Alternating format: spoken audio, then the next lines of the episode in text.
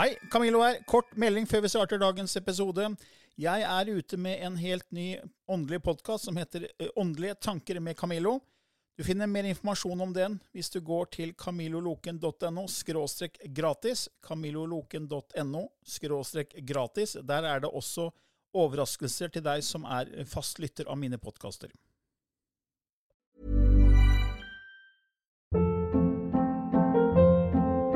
Hold up. What was that? Boring. No flavor. That was as bad as those leftovers you ate all week. Kiki Palmer here, and it's time to say hello to something fresh and guilt-free. Hello Fresh. Jazz up dinner with pecan-crusted chicken or garlic butter shrimp scampi. Now that's music to my mouth. Hello Fresh. Let's get this dinner party started. Discover all the delicious possibilities at hellofresh.com.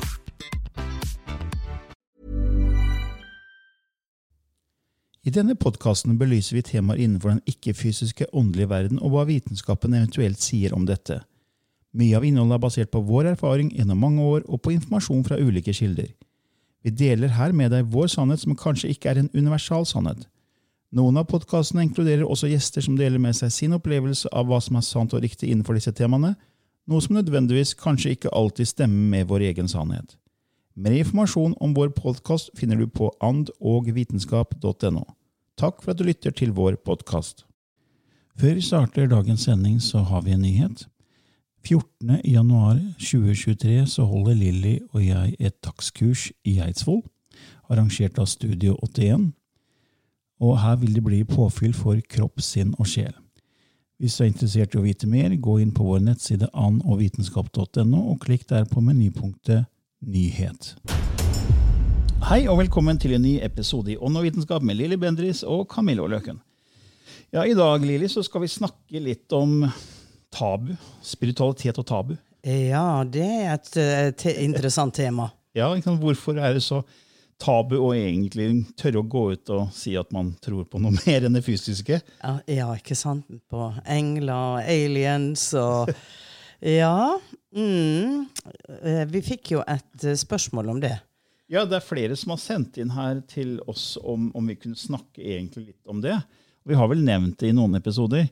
Jeg tenkte bare å lese opp eh, et innlegg her som kom når det gjaldt akkurat det her om, om ønsket om da å ha, ha dette temaet som en episode. Og da skriver vedkommende selv om det er litt negativt tema, kanskje, så føler jeg det er viktig å snakke om stigmatisering rundt spiritualitet. Fint om dere kan ha en episode der dere snakker om hvorfor det er blitt slik, hvorfor det fremdeles er så mye latterliggjøring i enkelte kretser, og hvorfor det av mange blir regnet for å være naivt og lite intelligent intellektuelt. Har vi fått så stor tiltro til teknologi og vitenskap at vi ikke tar vår natur og vår menneskelighet på alvor? Jeg føler faktisk at dagens tabu overfor spiritualitet kan sammenlignes med seksualitetens skam og tabu for over 100 år siden, kanskje særlig kvinners. Alle hadde en seksualitet da òg, men det var liksom skamfullt å innrømme det. Man skulle liksom late som det ikke gjaldt seg selv, og helst undertrykke og ikke være, der, ikke være for åpen og uttrykksfull på det området. Selv om det var det mest naturlige i verden, og noe som er en del av alle mennesker. Det å være et åndelig menneske som har en sjel, ikke bare kjøtt og blod, er jo også felles for alle mennesker, men hvorfor er det skamfullt for mange å assosiere det med seg selv, eller i det hele tatt nevne ordet sjel? Har ikke mennesket hatt et forhold til sjelen siden tidenes morgen? Kanskje dere også kan si noe om medias rolle i å gjøre folk redde for å være spirituelle? Jeg tenker da på den massive mobbingen av Märtha Louise, Snåsamannen med flere. Hvorfor tror dere at denne mobbingen skjer? Jeg tror at diagnostiseringen i psykiatrien også har mye å si for hvorfor folk er redde for å være annerledes. Det finnes en diagnose for det meste som ikke ligger innenfor den veldig lille normalboksen, og ingen vil jo være gal eller syk i hodet. Jeg føler at vår tiltro til diagnosesystemet gjør oss redde og ufrie og hindrer oss fra å våge å være den vi er. Ja, godt spørsmål. Ja. Godt skrevet, formulert. Ja. Um, for det er Altså, når jeg tenker på 20 år tilbake, mm. når jeg gikk offentlig uh, Det var jo da fornemmelse for mord, uh, som jo gutter kanskje syntes var litt interessant. Um, for det var litt mer om ting som hadde skjedd. Det var ikke Ja, du er et medium, du tar kontakt med de døde, men allikevel så var det litt mer innafor, eller når det var åndenes makt som kom på tapetet? Med spøkelser og nisser og engler og jeg vet ikke hva. Og det var en voldsom latterliggjøring. Eh, og latter... Det, altså, det gikk fra Altså, ja. Mm -hmm, hun der, ja. Mm, akkurat. Til, eh, til sinne. Eh, trakassering. Eh, hat. Eh, fordi at man var da en svindler. Um, fordi at um, man fremla noe og utnytta svake mennesker. Hele den regla som vi har jo mm. lest igjen og igjen. Um, og det er umulig å forsvare seg mot, egentlig. Ja. Ikke mm. sant? Hva, hva, skulle jeg si, da? Ja, jeg, så, tror, uh, jeg tror det er riktig for meg. Ja, har du bevis? Ja. Uh, de sier ting til meg som det er umulig at jeg kan vite. Ingen visste det. Mm. Så etter ti år, elleve år, så begynte det å forandre seg. Mm. Til at Tja, det er jo kanskje noe mer mellom himmel og jord. Mm. Så det mest forbausende for meg da i senere år er at uh, type kategori mennesker ikke sant? De som har en, en utdannelse veldig left brain oriented, som liksom ikke er religiøse, ikke sånn, de får en naturlig nysgjerrighet til å si du, det er jo veldig interessant det du gjør. Det er jo veldig interessant. Det, er, det, det må jo være noe mer. Eh, det, skal, det har skapt en nysgjerrighet. Mm. Så jeg må jo si at det har vært veldig interessant å se at media også har vært med på å løsne opp og ta vekk redsel for mennesker som da skriver til meg og sier at 'jeg trodde jeg var gal'. Jeg har aldri turt å si dette til noen, mm. til å kunne begynne å snakke om det. Mm. Så alt det der som blir skjult fordi at det går utenfor A4-arket, det går utenfor religioner Ja, du har mange forskjellige selv innenfor vår protestantiske religion så har du veldig mange sekter. Mm. Men de baserer seg på egentlig det samme. Mm. At det er én Gud, og det er Gud som bestemmer om du kommer til himmel eller helvete. Og det er innenfor den kategorien. Mm. Når man går inn på det som vi gjør, så er vi utenfor hva er Gud. Er Gud en kraft? Er Gud en sann? Er det interdimensjonelle beings? Mm. Er vi kontakta? Er vi alene? Så da går du ut på et felt som mennesker ikke vet så mye om. Mm. Og det blir farlig. Ja, for det jeg tror da, det, jeg tror det er to ord som, som, dukker opp hos meg, og det er frykt og uvitenhet. Ja. Fordi altså, hvor, hvor Folk er redde for det de ikke forstår. Ja. Og det, jo, det, har jo med de behovene Vi har, vi har behov som, som ble avdekket bl.a. av Maslow, eh, behovspyramide. Ja. Prøve å forklare menneskelig oppførsel med behov vi har, vi trenger å dekke. Og, og, Mange har sikkert hørt om Maslows behovspyramide, som det er på en måte stor enighet om på en måte dekker en forklaring på vår oppførsel. Og det første er jo vi må ha det grunnleggende. altså Vi må ha næring, vi må ha vann og mat. Hvis ikke så overlever vi ikke. Ja. Så det er ingen som bryr seg om uh, om du får likes på Facebook hvis du holder på å sulte i hjel. Da driter du i det. Ja. Da skal du ha mat, da ja. skal du ha drikke, for ellers ellers så dør du. Da er ikke status i det hele tatt viktig, som er et mye høyere uh, trinn oppe på pyramiden. Men trinn nummer to, som er grunnleggende og veldig viktig, er trygghet. Ja. Vi må ha trygghet, vi må ha tak over hodet, må, og i vår, vår, tid så er det liksom trygg inntekt, sikkerhet. Ja. Og hvis noen truer den sikkerheten, så kan det være farlig. Så man lever på en måte i en slags boble av sannhet ja. om hvordan verden er. En, jeg kaller det en ramme av sannhet. Mm. Og jeg laga for mange år siden to sånne jeg kalte det sannhetsvideoer. Hvor jeg illustrerte med en ramme. Og den rammen, stor firkanta sort ramme den representerer liksom det massene tror på. Ja. Så massene har en oppfattelse av hvordan verden er, godt hjulpet av media, selvfølgelig. Mm. Eh, og så forsvarer man den rammen av sannhet. Ja. Så det er mange sånne sorte prikker som utgjør denne sorte rammen. Og så kommer da en rød prikk utenfor denne rammen, som er deg og meg og Snåsamann og Märtha Louise og andre, som tør å si noe annet. Og da er det 'hallo, dere angriper oss' og sier at det, er, det vi sier, ikke er sant. Ja. Og så er det farlig, og så tør de ikke. fordi de er uvitende. Ja. Eh, og det er det jeg har opplevd så mange ganger, at eh, mennesker som dømmer veldig det vi driver med, mm. de kan ingenting. Nei. De har ikke brukt et sekund av livet sitt til å sette seg inn i det engang. Eh, sikkert noen som har gjort det, men de har ikke satt seg inn nok. De som har satt seg inn, har heller ikke satt seg inn nok, for jeg var jo en av de som dømte. Ja. Eh, For jeg var ateist, og jeg var sikker på at det ikke var noe kildekraft. For det, det kan ikke være noe skapelse med en intelligens når det er så mye elendighet på jord. Ja. Uskyldige barn, ikke sant? Ja.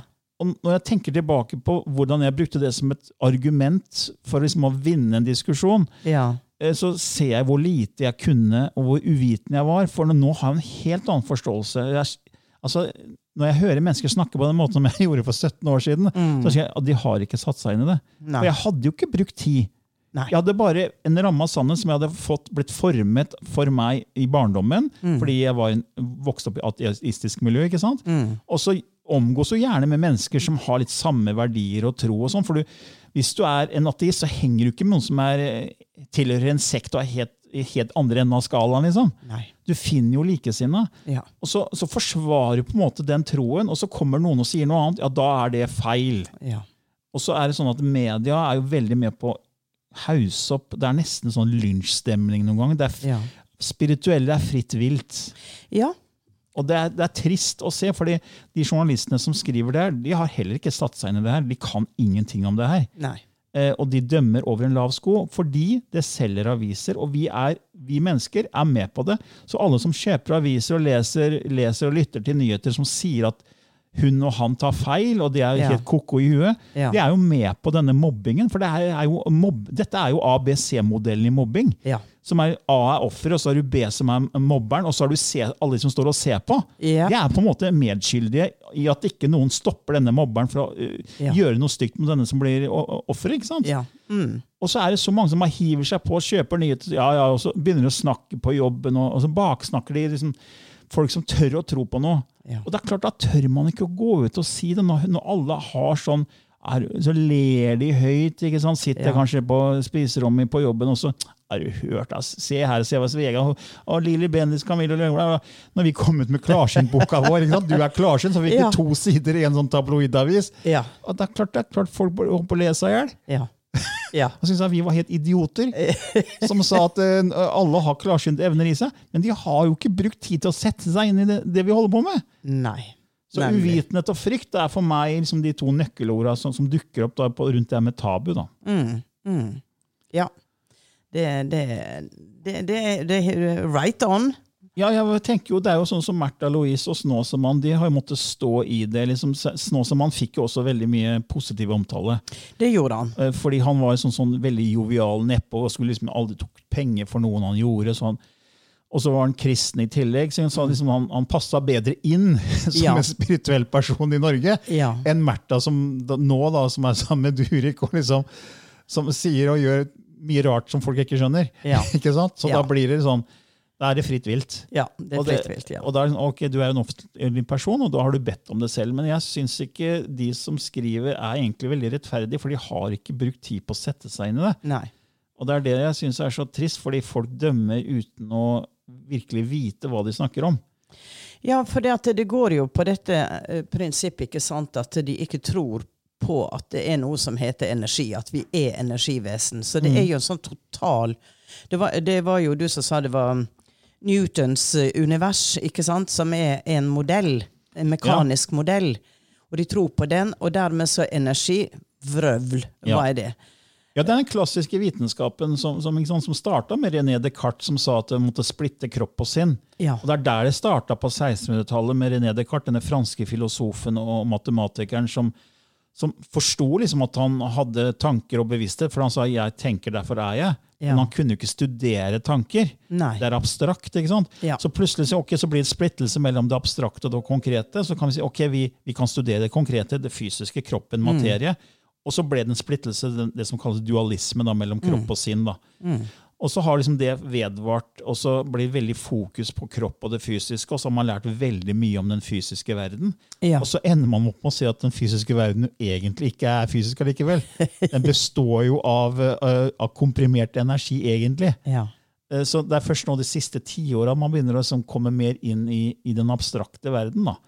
Og det, her er det jo igjen vitenskapen. Det er de som tør. De, de eh, som tør å gå ut fra ramma og begynne å studere. Som, som disse som, eh, eh, Nass, hva søren? Nassim Haramein, ja. Ja, og, og Bruce Lipton og alle disse her, som da har jo gjort en kjempejobb, hvis man skal gå inn og prøve å forstå denne verdenen her. Så har jo de gått foran, og jeg tenker at eh, mennesket kommer til jorda for å gjøre en jobb, og for å kanskje drive utviklinga videre, og da er det nødvendig at noen tør å gå utenfor. ja.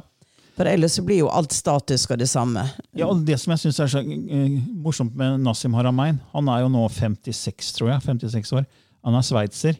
Ja. Eh, og han, eh, han Allerede som niåring så begynte han å stille spørsmålstegn ved måten læreren snakka om atomer på. Ja.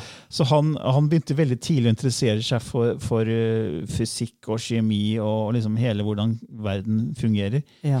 Og så brukte han også tid på å gå inn i sjamanistiske altså kulturer hvor, hvor Ja. man har sjamanistiske tradisjoner. Så han begynte også å sammenligne hva eh, forskjellige gamle kulturer sier om skapelsen. og sånn, ikke sant? Akkurat. Samtidig som han eh, valgte å utforske fysikken og etter hvert eh, gå inn og forstå, prøve å forstå kvantefysikken. og sånn, ikke sant? Men han tok ikke de tradisjonelle skolene, så han har ikke en, en, en formell utdannelse. Nei. Så han blir ikke anerkjent i det vitenskapelige miljøet, for han er bare en outsider. Ja. Men det han sa, som var veldig fint, er at eh, jeg har sett flere sånne uh, intervjuer med hvor han sier at jeg valgte å ikke ta en, skole, for da blir jeg farvet av de lærekreftene og deres syn. Mm. Og det er jo ikke noen lærere i verden som er oppdatert på alt 24-7 hele tiden. For det, altså, vi, vi går jo til en universitet for å få informasjon. Ja. Det er jo det det egentlig er. Vi skal lære noe. ja, ja, ja. Og så skal vi ha lærekrefter som, som er eksperter. Men? Men nå er det så mange kilder til informasjon som du kan få tak i andre steder. Mm. Så du må nødvendigvis ikke gå på universitet, men du må være kritisk til kilden av informasjon du får tak i. Men han valgte jo da å gå egne veier og finne ut av hvordan ting fungerer på egen hånd, og lærte seg masse om fysikk og kjemi og alt. Så han kom jo da i 2013 med en stort vitenskapelig arbeid som viser at universet er selvorganiserende, ikke sant? som jeg har sagt før. Og nå i 2020 så kom han jo med en ny teori på The Big Bang. Ja. Eh, For han sier at det, det er sannsynligvis aldri vært et big bang. For han sier at det er egentlig mange mange big bangs som skjer hele tiden. For det er, det er som såpebobler som er oppå hverandre. Så han sier at eh, Og han, han, hans matematikk er 96% mer riktig for den modellen han nå predikerer, enn big bang-teorien med standardmodellen. Okay. Så, så han, han bruker matematikk for å på en måte verifisere eh, Ja. sine teorier, og hans, eh, hans arbeid er veldig nøyaktig, mye mer nøyaktig enn de teoriene som allerede eksisterer. Mm. Så han sier at eh, tenk deg at, at på en måte vårt univers var jo en liten prikk, det som kalles singularity. Ja. For Forskerne sier jo ikke at Big Bang kom ut av ingenting, de bare sier at det var et singularity-status. det var liksom Alt var i, i komprimert i en liten prikk. Ja. Og For å illustrere hvor liten den prikken er, da, så er det, det er liksom flere millioner ganger mindre enn et atom. Oi. Så det er så lite, så lite, du kan, vi klarer ikke å forstå det engang. Og For å illustrere hvor lite et atom er, så er det flere atomer i det menneskelige øyet enn det er stjerner og planeter i det kjente univers. Vet du, du, dette, dette blir så stort, ikke sant? Skjønner du? Altså, Ja. Tenk deg da, altså, vi, Bare i vår galakse så er Ja. det milliarder av planeter og stjerner. Ja. Og så finnes det milliarder av galakser. Ja. Og så, Da kan du tenke deg hvor mange det er til sammen. Ja. Og så er det flere atomer inni vårt menneskelige øye enn det er i hele det kjente universet. Da skjønner du hvor lite et atom er. Ja. Og så er det at dette singularity-punktet som alt, som alt starta med, det er altså flere millioner ganger mindre Ja. enn et atom. Så det er så lite, Og og da hele universet var pressa sammen, tettpakka, Ja. i den lille prikken, og så ekspanderte det akkurat som det blåser opp en ballong. Ja. Så det var aldri noe bang. For det, det Big Bang er et veldig misvisende uh, uttrykk. fordi hvis du skal ha et smell, Ja. så må du ha tid og rom. Ja. Fordi tid og rom henger sammen. Så hvis noe skal smelle, så må du ha lydbølger som kan reise i, i rom. Ja. Men det var jo ikke noe rom. Nei. Rom og tid kom jo når prikken ekspanderte. Så Ja. det er egentlig the big expansion er det riktige, Ja. mer riktige uttrykket. da. Ja. Så det han sier da, denne lille prikken er akkurat som en celle inni kroppen vår. Men så begynte den cellen å ekspandere i noe som allerede er større. Ja. Og det, det er jo på en måte inni kroppen vår. ikke sant? Ja. Men tenk deg at kroppen vår da er inni en større boble igjen. Ja. Og den er inni en større boble, så det er liksom bobler på bobler på bobler. Hele veien. Mm. Og så er det akkurat som popkorn. Noen av disse boblene ekspanderer da av ukjente grunner. pang, og så blir det det vi kaller det big bang. Eller Ja. big expansion. Så, og det, matematikken hans tilsier at det er sånn det er. Akkurat. Så, så, men han blir jo da latterliggjort, da. Ja. Fordi at han tør å si noe som er imot det massenes vitenskapelige miljø har jo en haug Ja. Som fortsatt tenker at Newtons-modellen er riktig. Ja. Og da blir han en rød prikk. En, en han, eh, prikk utenfor den sorte ramma av sannhet. Ja, er, men så er det jo det positive, da, at det der er noen som leser om hans teori, og så skjer det et klikk i deres hode. Ja. Uh, og så begynner de å tenke kan det være noe, og så får han flere med seg på laget. ja. Uh, og de har sine måter å få informasjon på. Så, så blir det til slutt et felt av røde prikker ja. som, um, som kan invadere. Og det som vi kaller expansion, det er jo også expansion i vår, i vår utvikling. Ja, det er akkurat det. Og det Og eh, tenk på hjernen vår, da, eh, Camillo, hvor lite vi bruker. ja, ja, ja. Men vi er kreert da med en hjernemasse som, som vi ikke bruker. ja. Og hva, hva må til for at den skal bli aktivert? Og da snakker de om dette her med, med frekvenser og, og komme til et punkt hvor det er som å fyre av en rakett. Mm. Og at vi har tilgjengelig i oss, og da snakker du er Gud. ikke sant? Du, du kan, har evnen til å skape. Så det er en så utrolig spennende tid nå. Og jeg tenker at det, det å tørre å fantasere, det å tørre å tenke utenfor og ja, Det er ikke sikkert det er sant, men altså, det er jo en utrolig rikdom i det å, å jakte på en større verden, da. ja. Og det, det som jeg synes også er litt rart når man snakker om tabu, da, det er at eh, 75 av Europas befolkning tilhører én av fire av de store religionene. Ja. Kristendommen nummer én, så har du islam, og så har du vel eh, hinduismen og så buddhismen. Ja. Og det utgjør 75 av Europas befolkning. Ja. Som da tilsier at det er en kilde, en kraft, en gud, ikke sant? og at det er liv etter døden. Ja. Men det å da snakke om sjel, det er liksom ikke stuerent. Nei. Eh, Det er sånn, det, det er sånn eh, Om Norge er et kristent land, eh, Ja. så kan det Ja, ok. Eh, og 75 av Europas befolkning snakker om, om at det er at tilhører en religion som sier at det er mer etterpå. Ja. Så da, da tilsier det at ja, men da må det være noe, noe sjelaktig. da. Ja. Ikke sant? Så det fortsetter, liksom. Ja. Så, så det er sånn selvmotsigende. Og, Men folk er veldig redde for å bli latterliggjort, og det skjønner jeg veldig godt. fordi det er jo ikke noe gøy hvis du er på en jobb og du er den eneste som uh, tror på det du tror på. da. Nei. Og så hører folk snakke og latterliggjøre andre som er spirituelle i, på spiserommet. eller og så det sier seg at Da åpner du ikke munnen din og sier at 'hallo, jeg er spirituell', med mindre du er veldig sterk i deg selv. Ja. Og det er jo en prosess, for det har jeg opplevd nemlig. For jeg gikk jo gjennom den prosessen ved å føle meg veldig tråkka på. Ja. Jeg husker når vi ga ut Bevissthetsskiftet, så jeg tror jeg fortalte før, hvor, hvor en journalist eh, i lokalavisa der jeg bor, eh, hang meg ut etter noter. Ja. Du og jeg hadde et eh, foredrag på Larvik-messa, alternativmessa. Mm. Og denne karen her hadde, var jo med kjæresten sin, som da viste seg å være litt sånn interessert i det. Eh, Men han var da tydeligvis ikke det. Nei. Men på foredraget vårt så var det vel en 100 mennesker, og han satt eh, visstnok i salen, for han kom opp til standen vår etterpå og sa han var kjempeinteressert i det vi snakka om. Mm. For jeg hadde jo nevnt da i, i foredraget at jeg var fra Fredrikstad, og han da var journalist. freelancer i Fredrikstad. Og så kommer han til standen og sier han skulle lage en kjempestor artikkel om meg. Det var ikke måte på. Og tenkte jeg, det her skurrer. Ja. Mm. Så, men eh, greit nok, så han kjøpte bok og greier, og jeg husker jeg så uttrykket til kjæresten hans som liksom eh, Hun følte seg ikke helt komfortabel. da. Nei. Da tenkte jeg ja, nei, skriver han en artikkel, så er det sikkert fint, det. Men så han fikk en signert bok, og så gikk det tre uker, og så hadde han jo hengt meg ut med en bokanmeldelse og ga terningkast to, og så bare skrev noe sånt som at du ville ikke få svar på livets store spørsmål seilende på en fjøl fra noen fra Fredrikstad. og så skrev han at jeg var lege, lege men det, det er jo ikke, jeg er jo legesønn. Det er ganske stor forskjell på å være lege og legesønn. Ja. Så, og, og flere sånne faktafeil. Så han hadde jo ikke lest boka engang. Så han Nei. var forutinntatt. Eh, og han skulle da stemple meg. ikke sant? Mm. Eh, og så tenkte jeg, hva, Hvorfor gjorde han det? Fordi han, han tydeligvis så følte han at det jeg kom med, var bare sprøyt i forhold til hans ramme av sannhet. Ja. Og Hvorfor kan du ikke bare godta det? da? Hvorfor må du henge ut et annet menneske som har en annen tro? Ja. Det er så, det er så lavmål. Du har så lavt nivå av bevissthet når du velger å gjøre det, og dømme uten å egentlig bare, Istedenfor bare å observere. da. Altså, Greit. Eh, men det som enden på visa, var at jeg fikk jo, fikk jo, gjorde meg veldig vondt. Ja. Fordi jeg var jo starten på vårt eh, samarbeid. Ja, ikke sant? mm.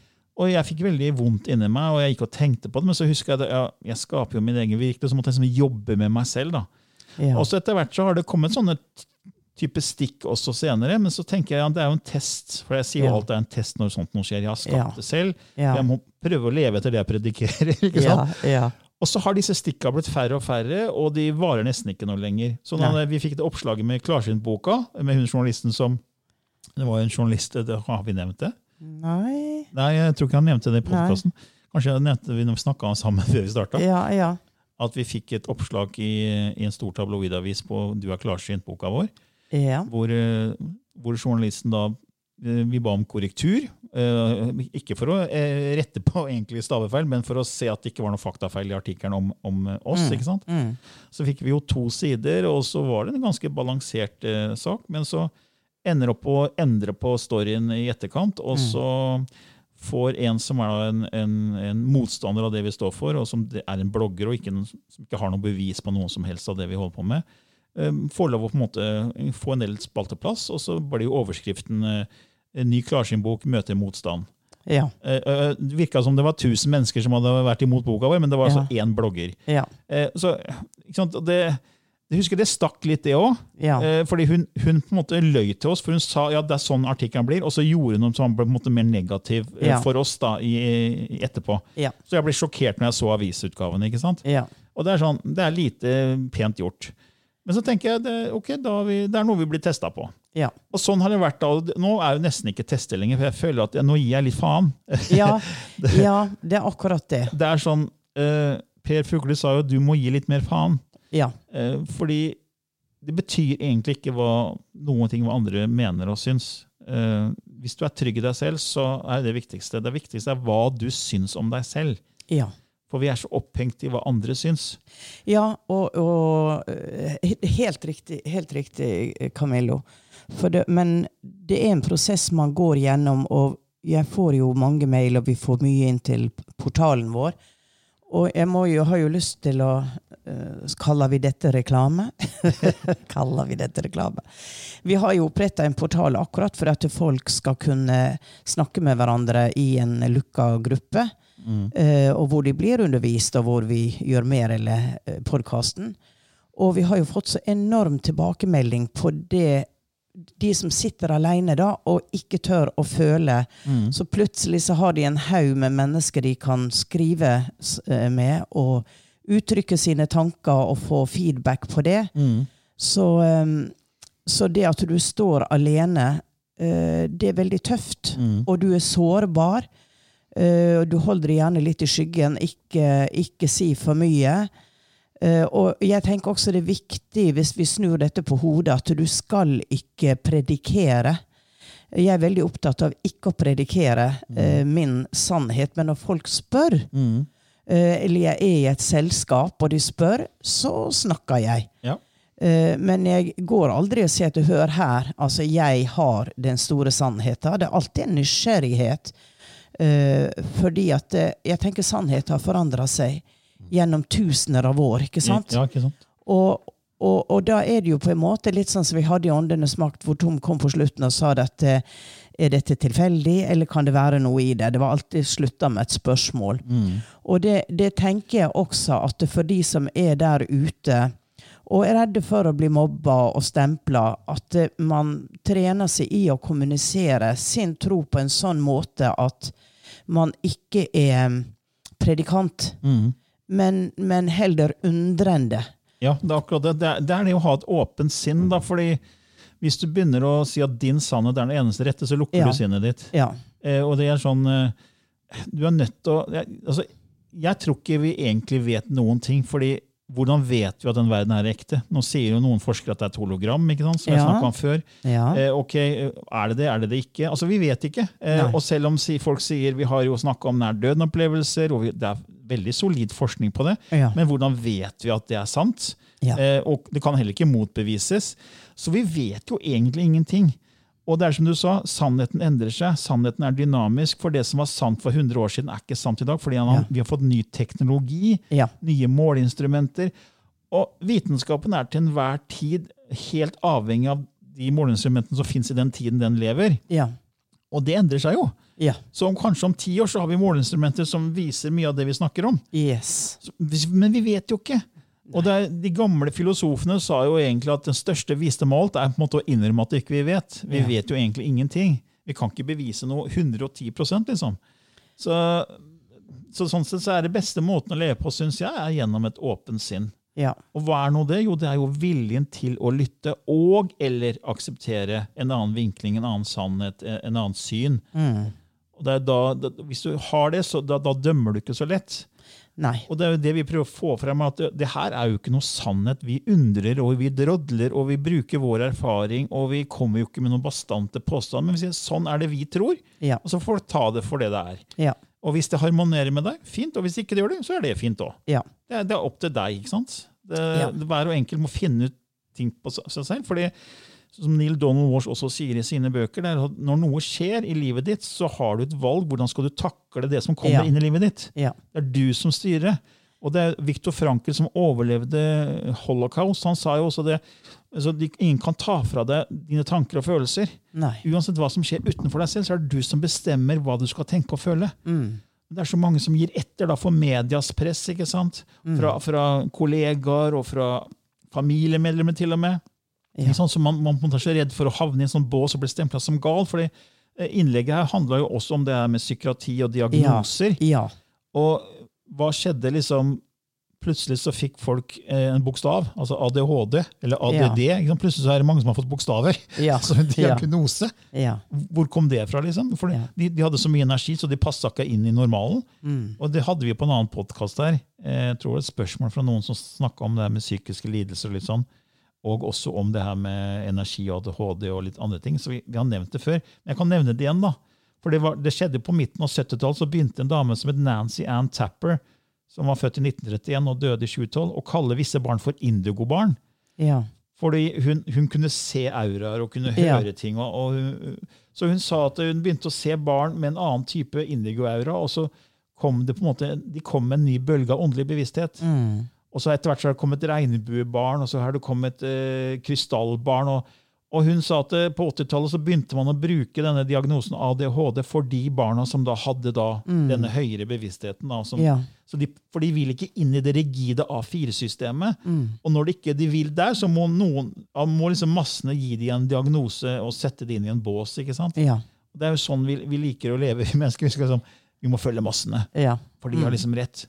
Men Ja. gang på gang så viser at massene tar jo feil. ja. Det er jo de som Ja. tør å være røde prikker, som drar verden videre! Ikke sant?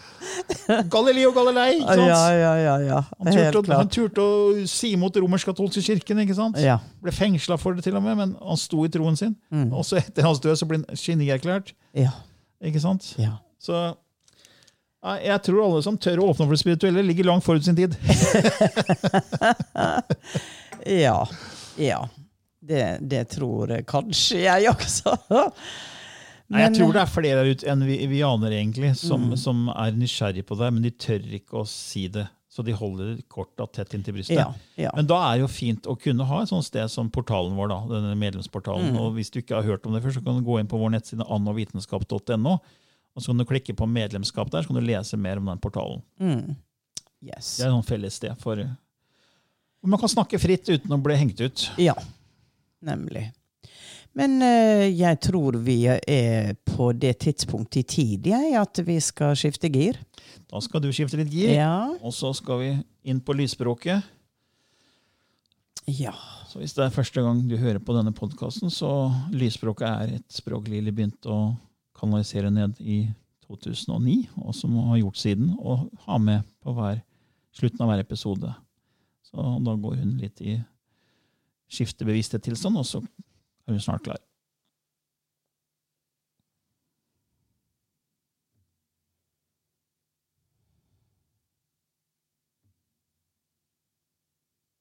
Kroainajte Ijmuna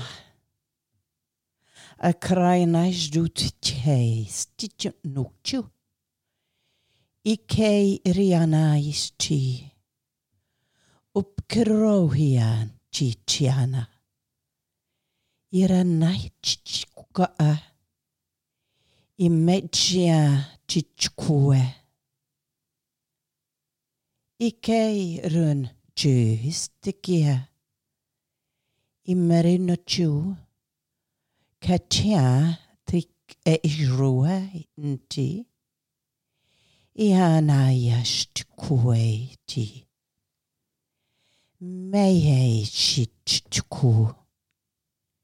Ehin eisd ei, ikreisine tutu, amahi in ut ekreisd an. Mohiana, tijeire, ek o ire onayu chukua.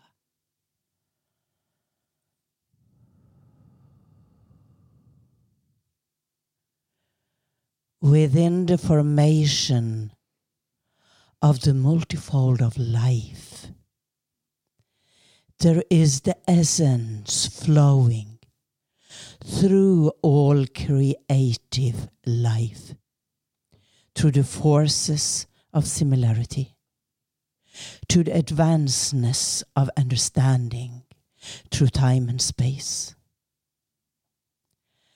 And now the time has come for the vision which will lead to a greater awakening, which eventually will be the merging long awaited for.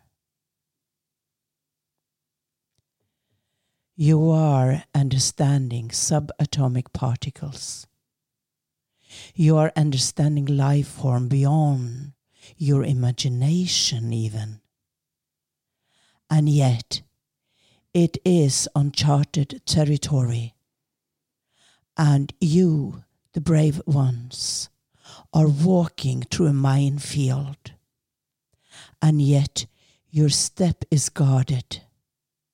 Sometimes there is death and explosion and destruction. And then you are led to a heavenly field of flower to rest, to understand which may you take the step of destruction. And then you are sent out again to walk again through the minefields. But there is no clarity in the understanding, and yet to come even greater understanding. That which before was beyond your knowledge, was beyond what you could sense and see, is now becoming a clearer picture. And as you were seeing through a glass, soothed, not clear, now it has been cleaned. And the pain of the human race has also diversifying one from the other, splitting, in order so that it can communicate through the splitted formation and start to build together the differences into one singular point again. And that singular point, which was talked ab- about in this episode, is what awaits the human race. But not to be condensed in such a way that everything else disappear. But in your brain structure, in your DNA, in your atom, is this form and it's waiting for you. It's singing to you. It's coming to you in different forms so that you shall feel togetherness, that you shall feel as one, even embracing your own uniqueness. So judgment is holding you down. And understanding or acceptance is lifting you up. So we see earth transparent like a body with blood and muscles and veins and light and darkness. So see yourself as one with your earth. Feel the pulse of the earth. Go down in a meditative form and feel that you are part and belong to something greater than yourself. And all of you will expand, and you will feel the energy streaming through your body. It is not devastation that occurs, it is clarifying moments of truth that reaches you from all over the universe. Be still be still, dear ones, and listen, and listen, and listen.